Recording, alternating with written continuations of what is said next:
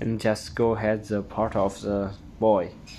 He needed to recover completely. Ricky still not know if he would ever walk again. He was not uh, going to give up. He made up his mind be- he would walk again.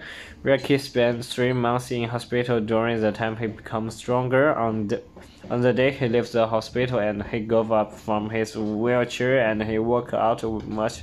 Of all the doctors and hospital workers were so happy.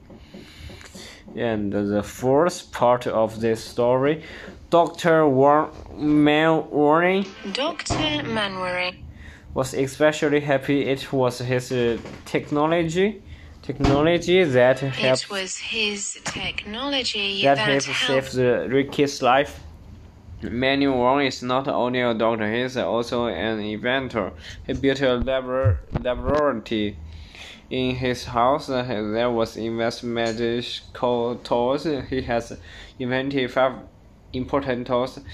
One of them tools help to save Ricky's life. The tools called the medical medical.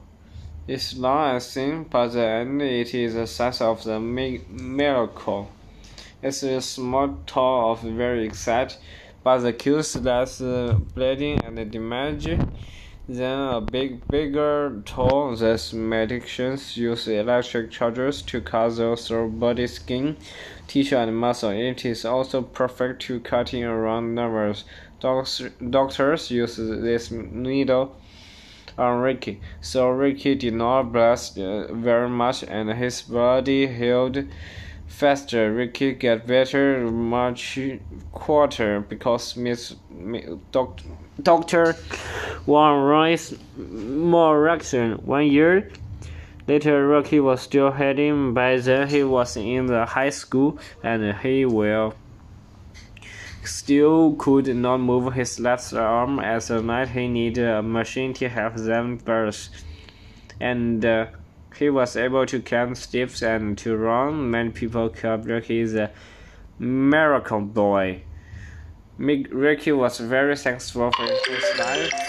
A television reporter asked asked Ricky what he learned about life from his experience. He told her, I learned that you only have one life and there is a God. I'm here. I'm alive. I'm happy with that. Ricky's thankfulness has helped him to be happy. His fullness to that his account stopped him from the living normal life.